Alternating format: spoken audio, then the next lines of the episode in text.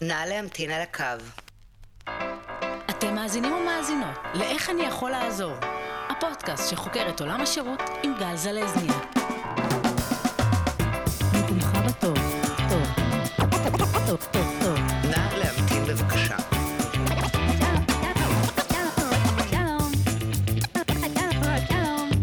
נא להמתין בבקשה.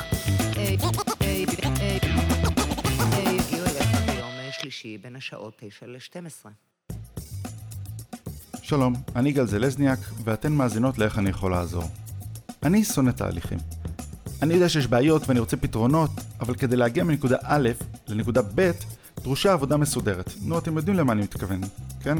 נו, אה, תהליך. אז היום באיך אני יכול לעזור, אנחנו מארחים את דורית שר, מנכ"לית אקספירטי, חברת ייעוץ וליווי ארגוני. נדבר איתה על בעיות, פתרונות, ובעיקר על תהליכים. אין מה לעשות, זאת הדרך. נשמע איזה באגים מרגיזים מאפיינים את השירות של כל החברות, וננסה להבין מה יכול לגרום למשבר אמון בין החברה ללקוחות, ואיך אפשר לפתור את זה. כמובן שאם למדתם ואפילו נהניתם להקשיב, אל תשכחו לעשות subscribe ולהמליץ לחברים וחברות. אנחנו נמצאים בכל הפלטפורמות הרלוונטיות. בואו נתחיל. שלום דורית. היי גל, מה נשמע? בסדר, מה שלומך? בסדר גמור, שמחה להיות פה, ותודה שהזמנת אותי. אה, בשמחה, בשמחה, בשביל זה אנחנו פה. מה אני הייתי עושה פה לבד ומדבר על עצמי? אז בואי תספרי קצת על עצמך. אז uh, אני דורית שר, uh, מנכ"ל חברת אקספריטי, חברה שמתמחה בכל הנושא של ייעוץ וליווי ארגונים בתחום של חוויית לקוח וטרנספורמציה עסקית. Uh, אנחנו מלווים uh, ארגונים משלב האסטרטגיה ועד היישום, ובעצם משלבים את כל מה שארגון צריך uh, בשביל להיות רלוונטי בעידן החדש, רלוונטי ורווחי, שזה באמת שילוב של ההיבטים העסקיים, תהליכי עבודה, טכנולוגיות, ועד המקום של ה mindset והתרבות הארגונית. ואיך הגעת לזה? איך הגעתי לזה? אני אה, במקור בעצם גדלתי והתפתחתי בעולם מערכות המידע. אני בוגרת הטכניון, יש לי שני תארים, תואר ראשון בהנדסת תעשייה וניהול, תואר שני MBA מנהל עסקים, ובאמת הדרך שלי התחילה בעולם מערכות המידע. אה, ועשיתי הרבה מאוד אה, תפקידים בתחום הזה, תפקידי ניהול בתחום הזה. התפקיד האחרון שלי כשכירה הייתי אה, סמנכ"לית אה, מערכות מידע של 013 NetVision. ואפשר להגיד שלאורך הרבה מאוד שנים בעצם ניהלתי הרבה מאוד uh, תהליכים שהם חוצי ארגון, שמשלבים בין האסטרטגיה העסקית לבין תהליכים, לבין טכנולוגיה, לבין אנשים. זה היה, זה היה הבסיס. ופרשתי בעצם ב-2009, והתחלתי בפעילות עצמאית של ייעוץ לארגונים, ו... אז באותו, באותה סיטואציה אמרתי לעצמי, אוקיי, פונקציית המטרה מבחינתי זה לעזור לארגונים להצליח בעידן החדש. ככה הגדרתי את זה אז. אז עוד לא היה הגדרה מאוד ברורה מה זה העידן החדש, אבל 2009, 2010 זה היה בעצם העלייה של הרשתות החברתיות, ואם אתה זוכר את, אה, את התקופה הזאת של מחאת הקוטג' והאביב הערבי ומחאת האוהלים וכן הלאה וכן הלאה. ואני כמי שאוהבת להסתכל על אה, מגמות, אה, ככה, מה שנקרא מהצד, אה, ראיתי שמשהו משתנה, נקרא לזה, במערכת היחסים בין ארגונים לבין אנשים או לקוחות. והבנתי שהקול של הלקוח מקבל הרבה יותר ביטוי. לאור הרשתות החברתיות והתהודה שהוא מקבל, בעצם הלקוח פה נעשה יותר אה, חזק. הוא גם, יש לו אה, אמצ, אמצעים בעצם להביע את הקול שלו, גם יש לו את האמצעים להיות נגיש יותר למידע, זאת אומרת לקבל מידע בצורה יותר נגישה, זמינה ומהירה. ואז הבנתי שאם הלקוח משתנה, אז מטבע הדברים גם ארגונים צריכים להשתנות, כי הם צריכים בעצם לפגוש את הלקוח במקום שבו הלקוח נמצא. ואז התחיל בעצם, נקרא לזה מסע של חקר שלי, אה, לכיוון של ניהול ממוקד לקוח, כל מה שנקרא customer centricity וכל הסיפור הזה. אה, והלכתי והתפתחתי ולמדתי המון המון, וחקרתי המון המון דברים, דברים, ש... נושאים שקשורים לאג'יליות ארגונית. Uh, כמובן חוויית לקוח, design thinking, היבטים שונים של אסטרטגיה של, uh, של uh, חברות שהן ממוקדות לקוח ועוד ועוד. ותוך כדי זה פיתחתי מתודולוגיה ייעוצית שבעצם מחברת את כל האספקטים שארגון צריך בשביל להיות רלוונטי, רלוונטי ללקוחות שלו, שזה, כמו שאמרתי קודם, ההיבטים העסקיים, תהליכיים, טכנולוגיים ו- ותרבותיים. והקמתי את חברת אקספריטי, שבעצם מבוססת על סיירת של מומחים בעולמות תוכן משלימים, וככה אנחנו מסוגלים לתת ללקוחות שאנחנו מלווים אה, בעצם הסתכלות כוללת על כל האספקטים של הארגון, אה, לזהות את כל נקודות הכשל, נקרא לזה ככה, הן מהצד של הלקוח והן מהצד הפנים-ארגוני, כדי להביא את הארגון לפעול במצב האופטימלי שלו. זאת אומרת, המצב האופטימלי שלו זה גם מול הלקוח וגם בתוך הארגון פנימה. אנחנו מדברים פה על B2B, אה, B2C. אנחנו מדברים גם על B2B וגם על B2C, וגם אפילו על אה, גופים, נניח אגפים או מחלקות בתוך ארגון, שרוצים לשפר את השירות אל מול הלקוחות הפנים-ארגוניים שלהם. זאת אומרת, המתודולוגיות וה, והכלים והעקרונות עובדים באותה, באותה שיטה. אוקיי, okay, ומה המתודולוגיה בעצם? המתודולוגיה באה ואומרת שמתחילים קודם כל מהלקוח, בסדר? הרי המטרה שלנו, כל ארגון, הדבר החשוב ביותר עבור כל ארגון זה הלקוחות שלו, נכון? אז אנחנו מתחילים קודם כל מהלקוח. הלקוח הוא המלך, הוא זה שקובע בעצם. אז אנחנו מזהים קודם כל איך נראית מערכת היחסים של הלקוח עם הארגון, לכל אורך מחזור חיי הלקוח, בסדר? מהשיווק, מכירות, שירות וכן הלאה, ותמיכה וכן הלאה וכן הלאה. מזהים את כל נקודות המגע שיש ללקוח עם, ה, עם הארגון, מזהים איזה חוויה אה, יש, הארגון מצליח לייצר אצל הלקוחות שלו בכל נקודות המגע האלה. ואז במקומות שבהם אנחנו מזהים אה, נקודות כשל או הזדמנויות לשיפור, אז אנחנו גוזרים את זה פנימה לתוך הארגון. זאת אומרת, יכול להיות שזה, שנקודת הכשל נובעת, נקודת הכשל מול הלקוח נובעת מזה שהתהליכים לא הוגדרו כמו שצריך. יכול להיות שזה נובע ממערכות שלא מדברות אחת עם השנייה, נניח המערכת שמשרתת את המכירות לא מדברת נכון עם המערכת שמשרתת את השירות וכן הלאה, או את השיווק וכן הלאה.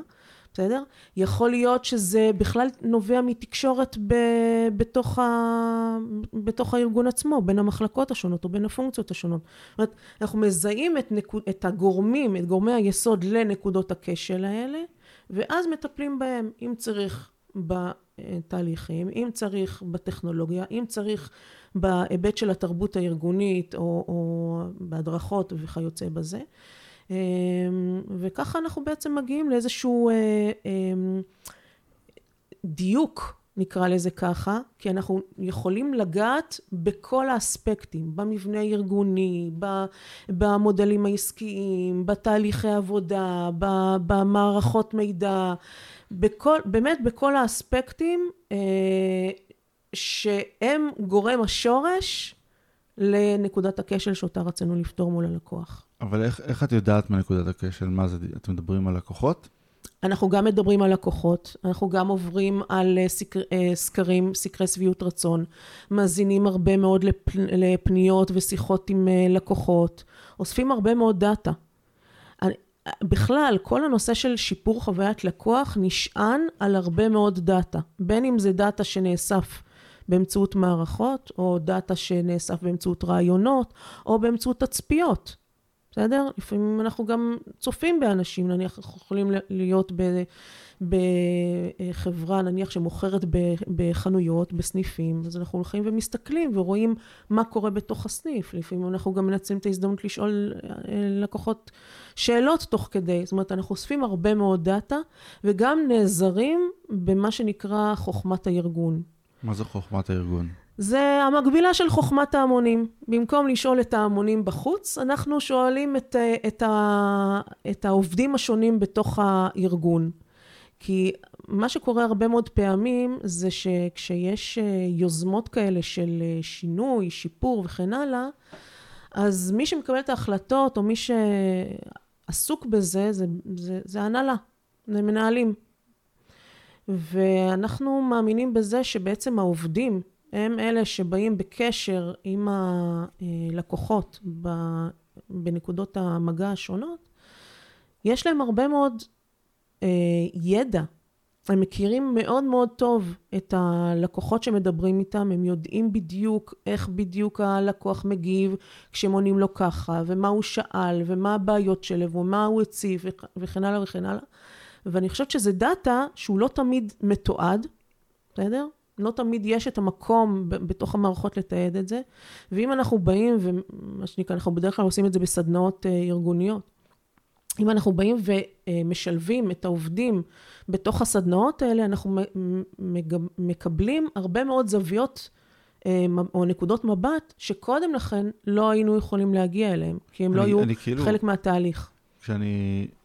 הרבה פעמים אנשים חושבים שבגלל ששירות לא טוב, אז בעצם... אז הגיוס בהכרח לא היה טוב. זאת אומרת שאני אסביר מה שאני מתכוון. הם חושבים שה... שנותני שירות לא אכפת. שבעצם בדרך כלל נותני שירות מאוד אכפת. והם פשוט מתוסכלים כי אין להם מה לעזור. ואם אתה מדבר איתם, אז הם יכולים להגיד לך. הם יכולים להגיד לך בדיוק את הבעיה. בדיוק. כי, כי הם אלה שמתוסכלים מהתסכול של הלקוח, שהם לא יכולים לעזור לו. בדיוק. שהוא, שהוא הגיע אליהם אחרי שהוא עבר 200 אה, נקודות לפני שהוא הגיע אליהם, ולהם אין את המידע שהוא בדיוק. נתן כבר לפני זה. נכון. ו, ואין להם את התשובה למה שהם רוצים, כי זה לא מהמחלקה שלהם ואין קשר. והכל, הם מודעים ומתוסכלים מזה שהם לא יכולים לתת שירות. הרבה פעמים זה שנותן שירות נשמע לא אדיב, זה מגיע מתסכול שלו, שהוא לא יכול לעשות את העבודה שלו כמו שצריך. לגמרי. אני לגמרי לגמרי מסכימה איתך. אני גם חושבת שכאילו יש איזשהו, יש כאלה שחושבים שהשירות לא טוב, זה אומר שזה, האחריות היא על מחלקת השירות. וזה לא בהכרח ככה. זאת אומרת, יכול להיות שגם הגיוס היה לא נכון, או יכול להיות שלא הדריכו את הנציגים כמו שצריך, או יכול להיות שמשהו בתהליכים של מוקד השירות או מוקדי השירות לא, לא אופטימלי, אבל זה, זה בדרך כלל לא המצב, בסדר? הרבה פעמים דווקא, ה, נקרא לזה, הבעיות במחלקות האחרות, גורם לזה שמגיעים יותר אה, לקוחות מתוסכלים למוקד השירות. כל, כי, כי בעצם מוקד השירות אוסף בעצם, או אליו מתנקזות כל הבעיות של כל יתר הארגון. בסדר? אם אה, לקוח קיבל חשבונית לא נכונה, בסדר? כן. מישהו עשה טעות במחלקת הכספים, זה יגיע לשירות, אוקיי? אם, אה, הלק...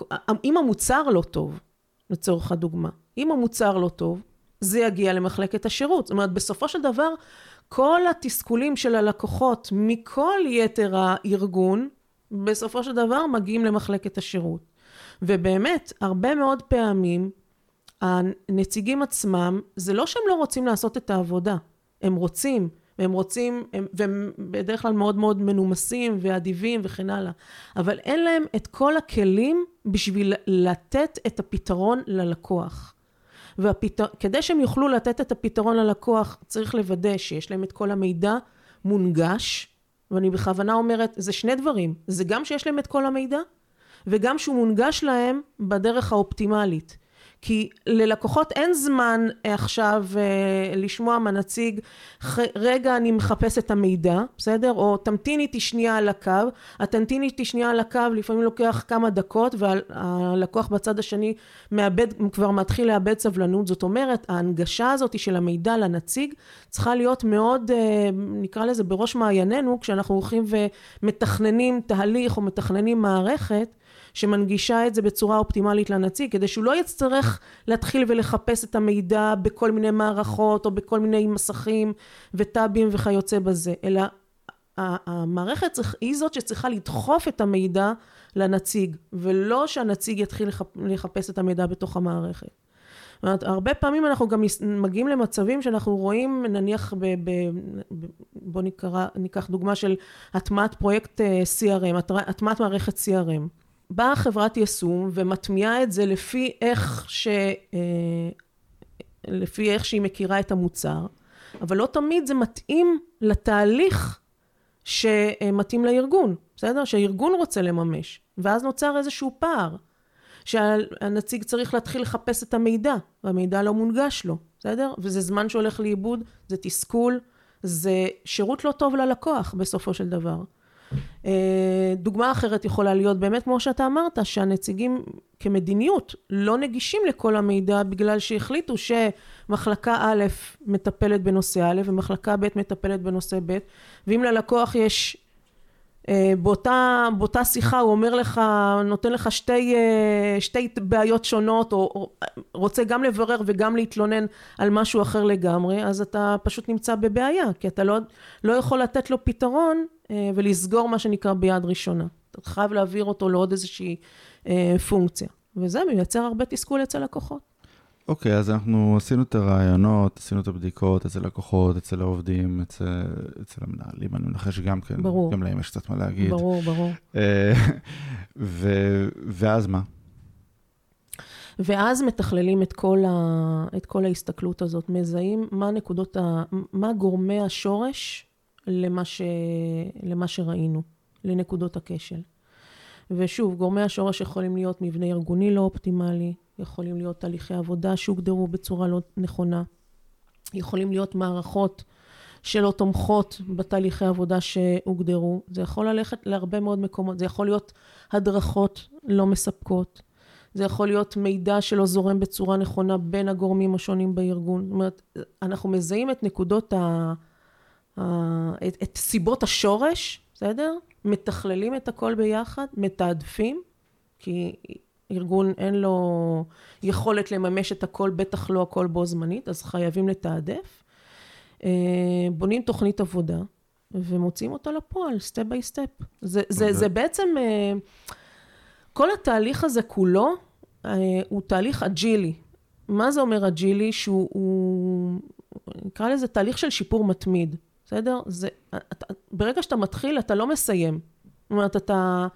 גם היישום הוא אג'ילי, כי אתה לא יכול לעשות את כל הפרויקטים בו זמנית, נניח אם זה פרויקט של אה, שינוי תהליכים, או אם זה פרויקט של שינוי נהלים, אם זה פרויקט של אה, אה, שינוי מבנה ארגוני, כל, כל הדברים האלה, בסדר? אתה צריך לעשות אותם לפי איזשהו סדר מסוים. או, או כמובן הכנסה של מערכות חדשות, או חיבור בין מערכות, אוטומציות ודברים מהסוג הזה. אבל אז גם זה קורה בצורה אג'ילית, וגם כל התכנון עצמו. זאת אומרת, once עשית משהו, יישמת משהו, משהו צריך להשתנות מבחינת המדדים, הן של מדדי אה, שירות וחוויית לקוח, והן של המדדים העסקיים, כי אחרת בשביל מה עשית את כל הסיפור הזה? ואז אתה מודד עוד פעם, בסדר? יש פה גם תהליך של מדידה, אז אתה מודד את מה שעשית, את ההשפעות של מה שעשית, ואז אתה מתחיל לתקן גם יש כמובן את הדבר האהוב על כולנו, שכל פתרון בעיה גורם לעוד בעיות. גם נכון, גם נכון. או אולי לא גורם לעוד בעיות, אולי מציף עוד בעיות. זאת אומרת, ניקית מה שנקרא מלמעלה, אז עכשיו uh, מגיע לך עוד בעיות מ- מרובד, מרובד קצת יותר עמוק. אבל זה בדיוק העניין, כי הארגון, גם הארגון הוא דינמי כל הזמן, בסדר? העובדים משתנים, תהליכים משתנים, השוק משתנה. וגם הלקוחות משתנים. זאת אומרת, כשמדברים על נושא של חוויית לקוח, אני תמיד אומרת זה כמו ספירלה, בסדר? כי, כי למה? הרי מה, מה, מה, מה כל הרעיון או הרצון הזה בחוויית לקוח? אמרתי את זה בהתחלה, זה להיות רלוונטיים בעיני הלקוחות. עכשיו, איך תהיה רלוונטי בעיני הלקוחות? אתה תהיה רלוונטי, כמובן אל מול המתחרים שלך לצורך הדוגמה, אתה תהיה רלוונטי אם אתה מצליח לפחות כ- כ- כ- כקו אפס, לפחות לתת את אותה רמה של חוויה שהמתחרים שלך נותנים, בסדר? ומעבר לזה, נכון? נכון. בסדר? כי mm-hmm. כדי לתפוס את הקשב של הלקוח, נכון? Mm-hmm. עכשיו, תאר לך שהגעת לקו אפס, זה אומר שאתה לפחות נותן את אותה רמה של חוויה כמו שהלקוחות שלך מקבלים מהרבה מאוד נותני שירות אחרים. אתה צריך לתת את ה-level הבא. נניח שנתת את ה-level הבא, מה קורה אז? המתחרים מיישרים קו. זאת אומרת, עוד פעם כולם נמצאים באיזושהי נקודת אפס.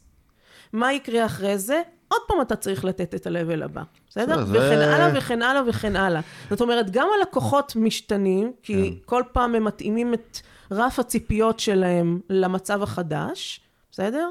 וגם השוק משתנה, המתחרים משתנים, השוק משתנה, הטכנולוגיה פתאום מאפשרת יותר, אה, יותר פיצ'רים, יותר פונקציונליות, יותר ערכים מוספים שקודם ארגון לא יכול היה לתת ללקוחות שלו. אז, אז ממש הכל ככה, אני קוראת לזה תהליך של שיפור מתמיד, כי זה בדיוק מה שזה, זה לא פרויקט חד פעמי. ומה הדבר שאת הכי רואה, הבעיה הכי גדולה שאת רואה?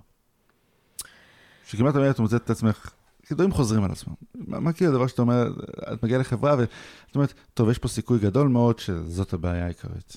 האמת היא, אני רואה כמה דברים. אחד, אחד, זה שמסתכלים על זה בצורה נקודתית, על כל הנושא של חוויית לקוח. אני אתן לך רגע דוגמה שאני חושבת שהרבה מהמאזינים אולי יתחברו אליה. אה, כשאתה מזמין אה, משלוח מאתר e-commerce, בסדר? Mm-hmm. אנחנו עכשיו נמצאים, אה, עברנו את הבלק פריידיי, אנחנו לקראת הסייבר מנדיי, וכל חודש אה, נובמבר זה חודש הקניות הגדול. אז הרבה מאוד קונים בא, באינטרנט, מבצעים וכן הלאה וכן הלאה.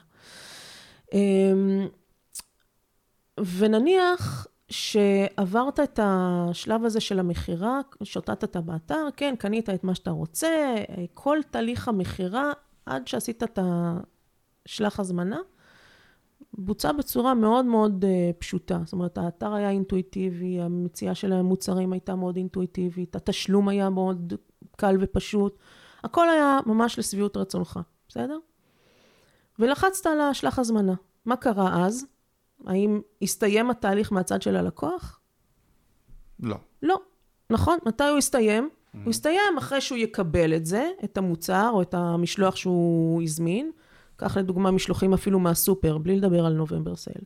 משלוח מהסופר, לחצתי על השלח הזמנה, ואז מגיע אליי המשלוח באיחור של כמה שעות, בסדר?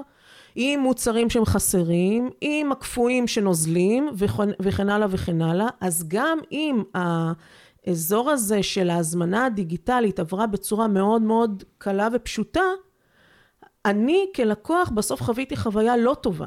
בסדר? כי כל התהליך, היו בו הרבה מאוד נקודות כשל, אוקיי?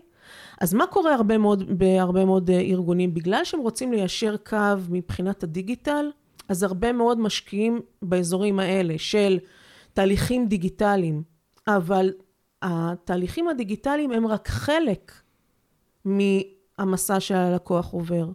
ועד שאנחנו לא מצליחים להסתכל על מסע הלקוח מעיני הלקוח, בסדר? כמו שאמרתי עכשיו, רק אחרי שקיבלתי את המשלוח והשתמשתי בו והוא היה לשביעות רצוני והבגד הגיע במידה הנכונה, בצ... בצבע הנכון ולא הוצאתי איזשהו משהו שהיה קטן עליי או גדול עליי בכמה מידות כי ככה יצא. רק אחרי שהשתמשתי בו לשביעות רצוני, אז בעצם הסתיים התהליך מעיני הלקוח. ועד שאנחנו כארגון לא מבינים את כל, ה, את כל המסע הזה, את כל השלבים שהתהליך הזה עובר, בסדר? ומחברים את הכל ככה שהכל, מה שנקרא, שקוף ו, ונטול נתקים בתוכו. אה, רק אז אנחנו יכולים בעצם להגיד שייצרנו אצל הלקוח חוויה, חוויה טובה. והרבה מאוד פעמים, לצערי, בארגונים, הפרויקטים הם מאוד מאוד נקודתיים, שהם מתרכזים בהיבט הדיגיטלי של הדברים. אבל זה, מאוד מפתיע אותי, כי זה נשמע כאילו ה-obvious, לא זאת אומרת... הרי זה הגיוני ש... ש...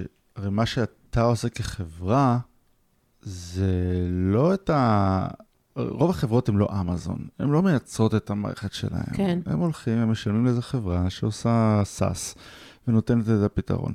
והם גם לא, הם גם לא עושים את המשלוחים של עצמם. אני כבן אדם שעושה משלוחים, mm-hmm. רובם הולכים וזה, ואז, וכאילו, לתת את המוצר ש...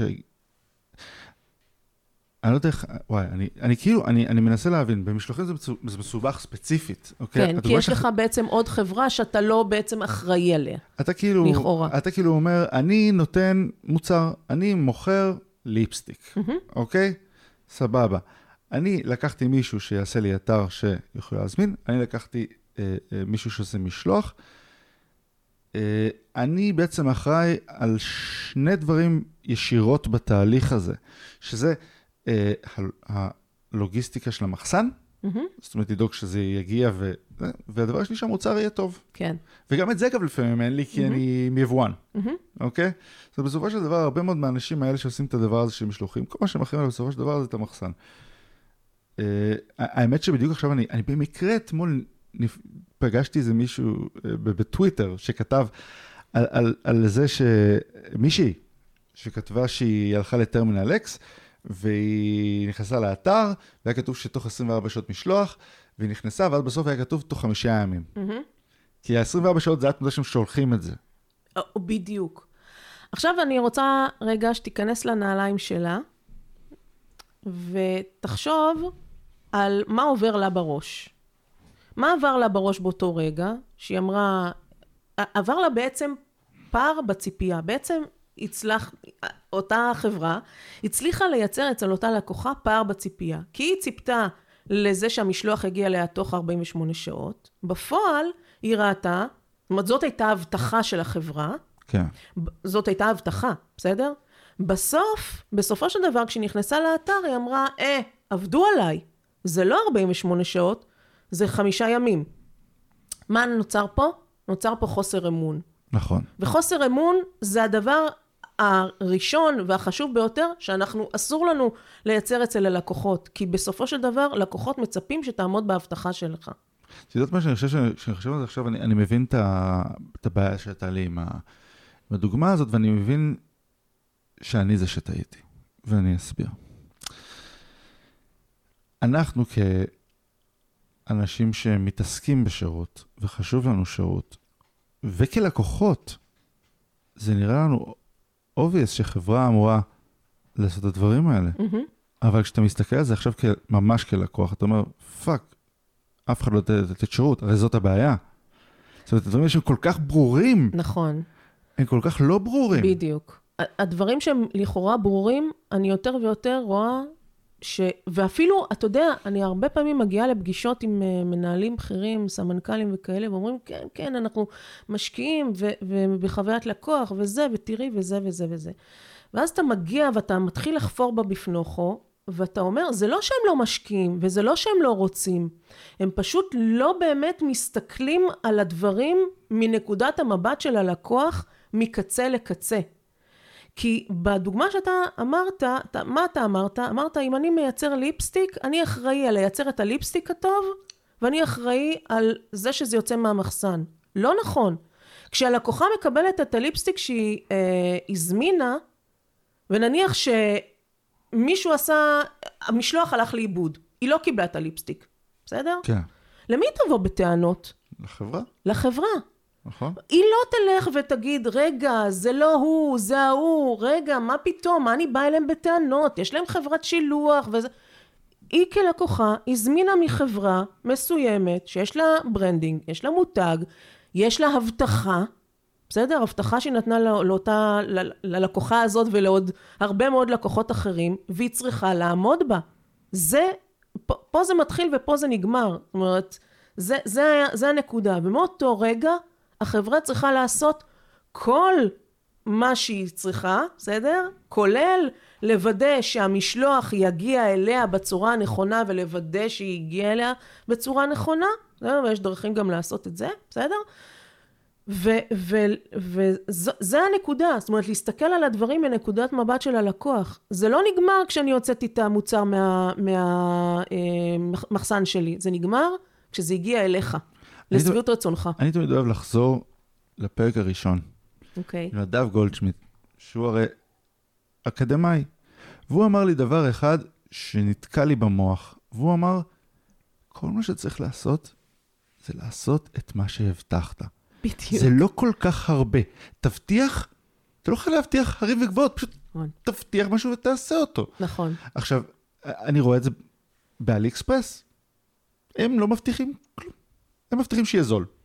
אתה תקבל מתישהו את המוצר שלך. בסדר. אף אחד לא מתלונן, אוי, כאילו, מתלוננים, אבל לא באמת מתלוננים. אוי, לקח כבר חודשיים, לא קיבלתי מאלי אקספרס, אבל אתה לא מאשים את אלי אקספרס הזה שלקח חודשיים. אתה כן, הזמנתי מאלי אקספרס, זה הגיוני, זה פשוט באסה, זה לקח חודשיים ולא חודש, אוקיי? בדיוק.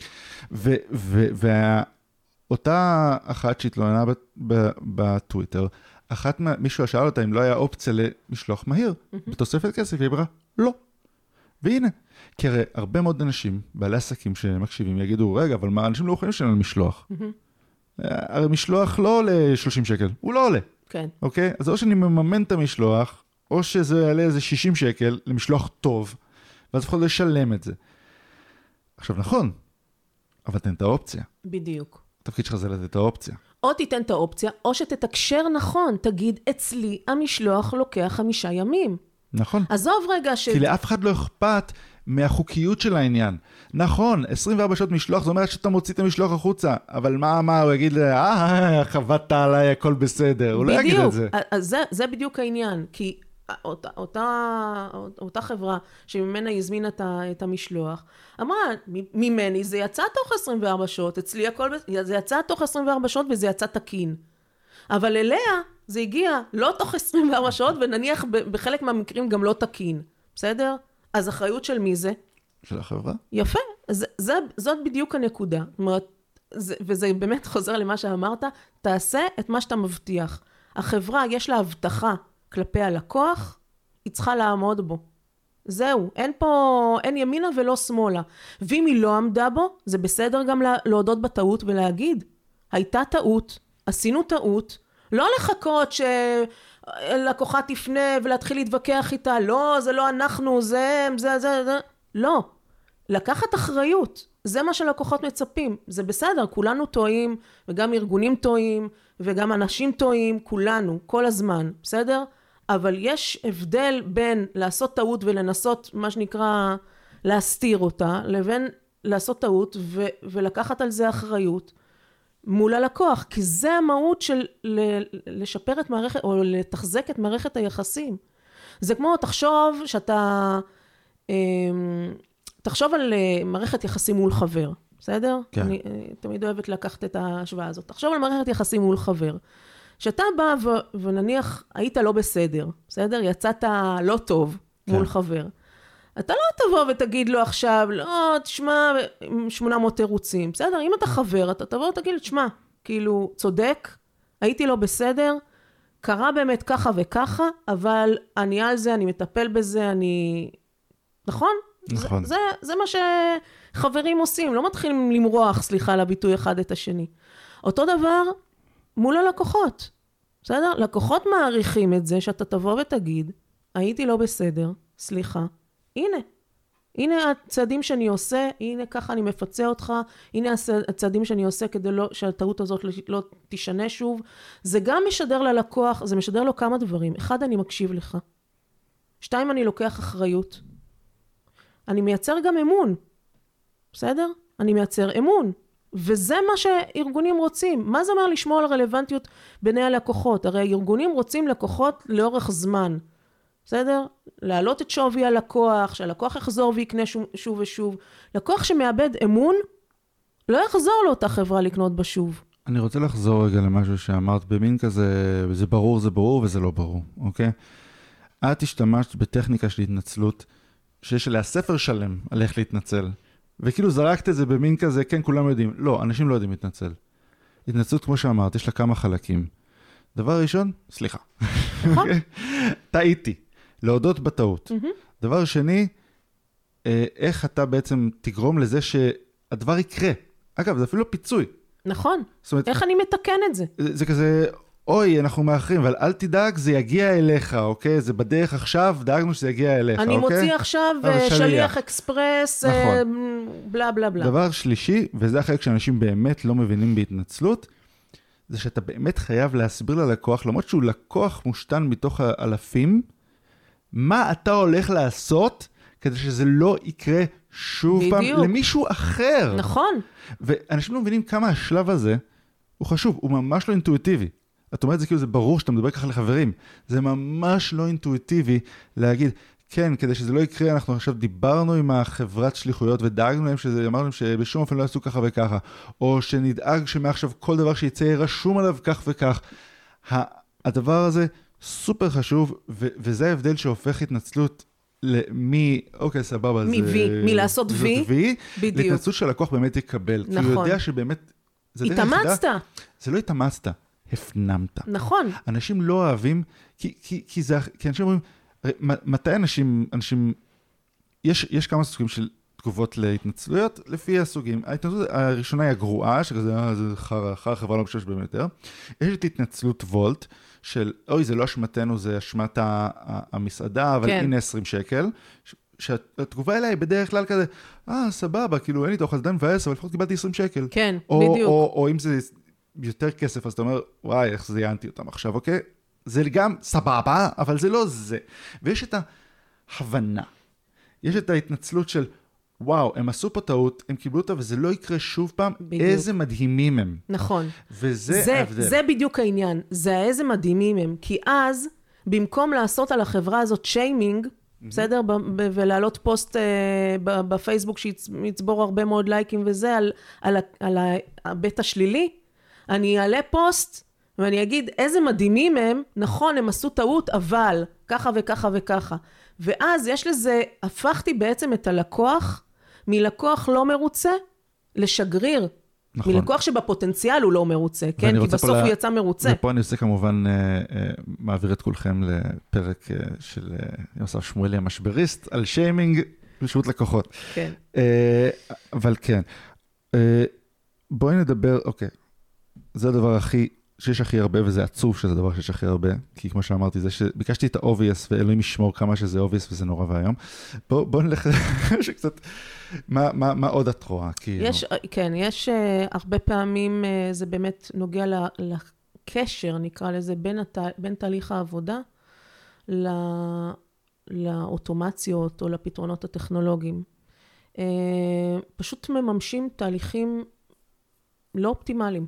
מה זה אומר? זה אומר שמממשים תהליכים עם הרבה מאוד צווארי בקבוק, כאלה שהם אה, חצי ידניים, אה, שהם דורשים מהנציגים או מהעובדים להזין את המערכת או לעבוד בשביל המערכת במקום שהמערכת תעבוד בשבילם. אני חושבת, וזאת התפיסה שאנחנו אה, באים איתה, שכשבאים להטמיע איזושהי מערכת, נניח מערכת CRM או marketing automation, לא משנה איזה מערכת, לא לוקחים את התהליכים כמו שהם, הרבה פעמים אומרים, אוקיי, מה התהליך שאתם רוצים לממש, או מה, איך אתם עובדים היום, ומתחילים להכניס את זה לתוך המערכת. כן. זה לא הדרך הנכונה לעשות את זה, בסדר? הדרך הנכונה זה תוך כדי זה לזהות מהם צווארי הבקבוק, לאפיין ולהגדיר תהליך אחר אופטימלי, ואותו לממש במערכת בצורה כזאת שהמערכת דוחפת את הנציג לבצע את הפעולות המתאימות. היא דוחפת את הנציג להרים את הטלפון ל, אה, ללקוח ולשאול אותו מה היה אתמול ב, באיזשהו אירוע. דוחפת את המערכת לשלוח ללקוח אס.אם.אס אוטומטי, אבל כשהיא יודעת בדיוק מה קרה לפני כן עם אותו לקוח. זאת אומרת, כל התהליכים האוטומטיים, בסדר? צריכים להיבנות בהתאם. לתהליך העבודה הרצוי ולא המצוי, בסדר? והרבה פעמים לצערי אני רואה שזה לא בדיוק ככה, שאומרים אוקיי הנה התהליך בוא, בוא נמחשב אותו. אבל אפשר לעשות אותו הרבה יותר טוב ממה שהוא, בסדר? בעצם מה שאת אומרת זה שאם אתה כבר הולך לעשות, אה, לעצבן את המערכת, בשביל להכניס מערכת חדשה, אז אתה מעצבן את המערכת, כי נכון. אנשים רגילים, אז כבר בואו נעצבן אותה עד הסוף. בואי נתחיל אותה מההתחלה, בואו נבנה אותה אופטימלית, לא, לא נחזור לאותן טעויות רק ממוחשבות. נכון, בדיוק. אין טעם למחשב דברים שהם לא, שהם תהליכים שהם לא, שהם לא אופטימליים. זה רק uh, מבזבז הרבה מאוד כסף לארגון, ו, ופוגע בשביעות הרצון של הלקוחות. אבל זה לא גם כן מפריע, זאת אומרת, את דיברת על אג'יליות, וחלק מהיופי של אג'יליות זה זה שזה לא מפחיד. זאת אומרת, עושים את זה בחלקים. עדיין, עדיין אפשר לעשות את זה בחלקים. אנחנו תמיד עובדים בשיטה אג'ילית, תמיד. תמיד עובדים בשיטה אג'ילית, אבל קודם כל, אנחנו, אנחנו מ- מטמיעים את הדברים הנכונים. אנחנו, צריך להטמיע את הדברים הנכונים בצורה הנכונה, בסדר? ולא להטמיע דברים לא נכונים בצורה הנכונה. אתה מבין מה, מה כן. אני אומרת? כן. ו- וגם את כל זה אפשר לעשות בצורה אג'ילית לגמרי. אין, אה, זה לא סותר אחד את השני. זאת אומרת, להפך, אם אני אה, מטמיעה תהליך שהוא לא נכון, אחר כך לתקן אותו, עולה לי כמה פעמים. גם עולה לי ביישום, גם עולה לי בהדרכה, גם עולה לי בהטמעה, עולה לי בהרבה מאוד, אה, בהרבה מאוד דרכים, ועל הדרך לא עשיתי את הלקוח שבע רצון. זאת אומרת, לא, לא הזרקתי שום קוויק ווין גם. בסדר? כן. אני, אני הייתי רוצה, אה, אנחנו כבר מדברים 40 דקות, שזה יפה, כל הכבוד לנו.